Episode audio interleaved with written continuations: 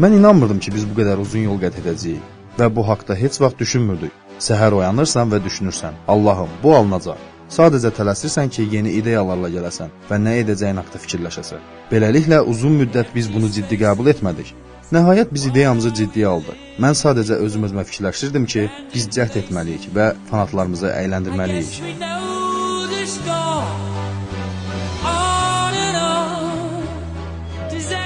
Bu sözlərin sahibi məşhur Queen rock qrupunun yaradıcısı Freddie Mercury-dir.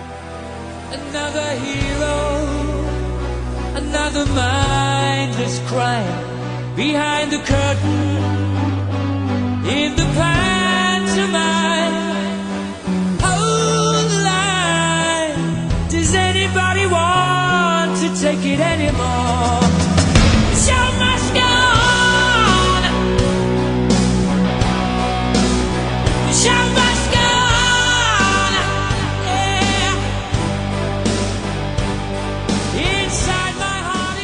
Öz adı Farrah Bulsara olan Mercury 1946-cı ildə Afrikada anadan olub. Dünyanın ən güclü vokalisti olaraq xatırlanan Mercury, opera ilə rock musiqisini sintez edərək yeni bir musiqi anlayışını insanlara çatdırır. 1970-ci ildə Smile qrupunun dağılmasından sonra Freddie Mercury, Brian May və Roger Taylor ilə birgə Londonda Queen qrupunu yaradırlar. Bir il sonra John Deacon'ın qatılması ilə qrup tamamlanır. Bu İngilis rock qrupunun albomları dünyada 300 milyondan çox satılır. 1970-ci ildə yaranmasına baxmayaraq, hazırda da bu qrupun böyük dinləyici kütləsi var.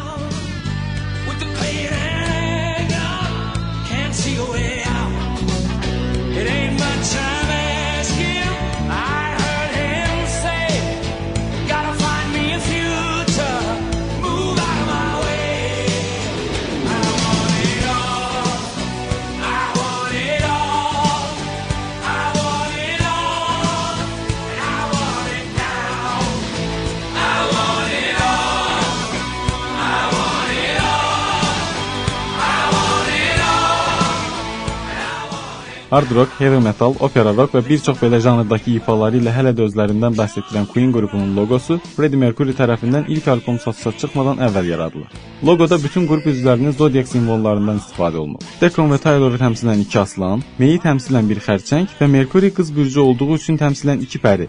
İki aslan qucaqladığı Q hərfinin ortasında bir taç və bütün bunların üzərində bir sumur quşu var.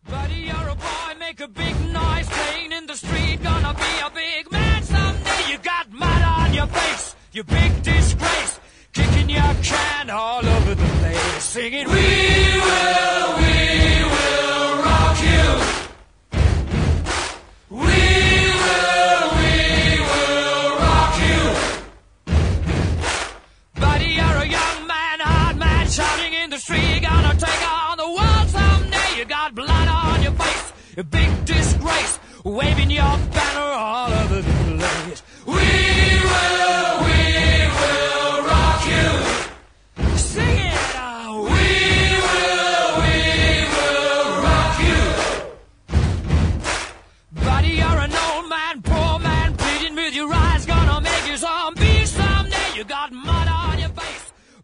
İlk olaraq 1973-cü ildə Keep Yourself Alive adı ilə 45-lik çıxarmağı bacaran qrup ara vermədən ilk albomları olan Queen Once-ı eyni il satışa çıxarır.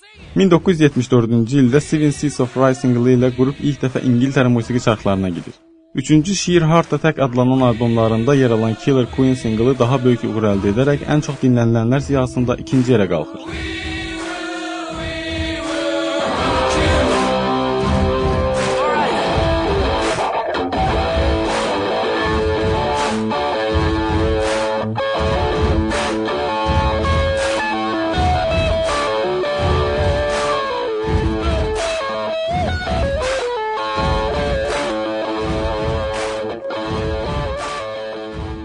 Əsas uğur 1975-ci ildə the Opera albomundakı Bohemian Rhapsody singli ilə olur.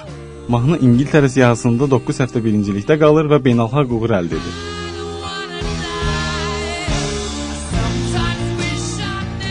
Bundan sonra Queen 16 il bir çox hit mahnılar bəstələyir.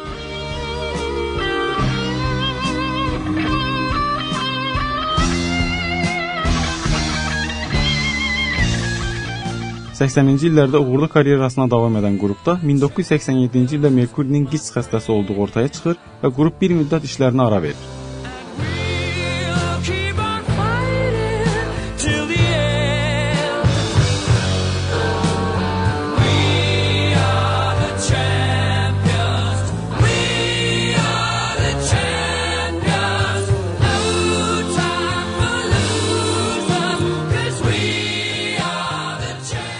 1989-cu ildə The Miracle və 1991-ci ildə son albomları Innuendo satışa verilir. 1991-ci il 23 noyabrda Mercury qiç xəstəsi olduğunu dünyaya bildirir və ertəsi gün dostları və ailəsinin yanında vəfat edir. Bows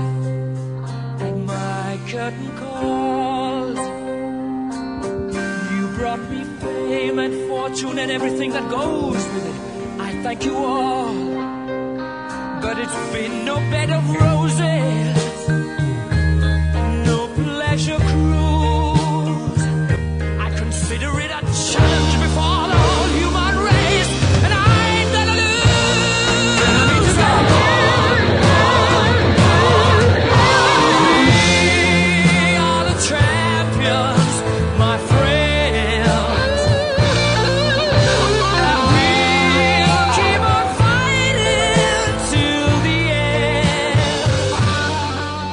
1995-ci ildə Mercury-nin ölümündən əvvəlki işlərindən toplanan musiqilərdən Made in Heaven albomunu çıxarır və sonra qrup uzun müddət səssiz qalır.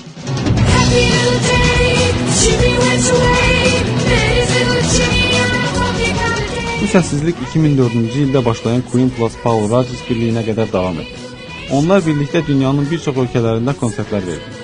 Bu bir müddət davam etdikdən sonra Rodgers bunun qalıcı bir birlik olmasını istəmədiyini bildirərək Queen plus Paul Rodgers birliyinin sona çatdığını 2009-cu ilin mayında bildirdi. Bundan sonra qrup vokalist adam Lambertlə əməkdaşlıq etməyə başlayır. 2009-da da başlayan bu birlik hal-hazırda da dünyanın fərqli yerlərində konsertlər verməkdə davam edir.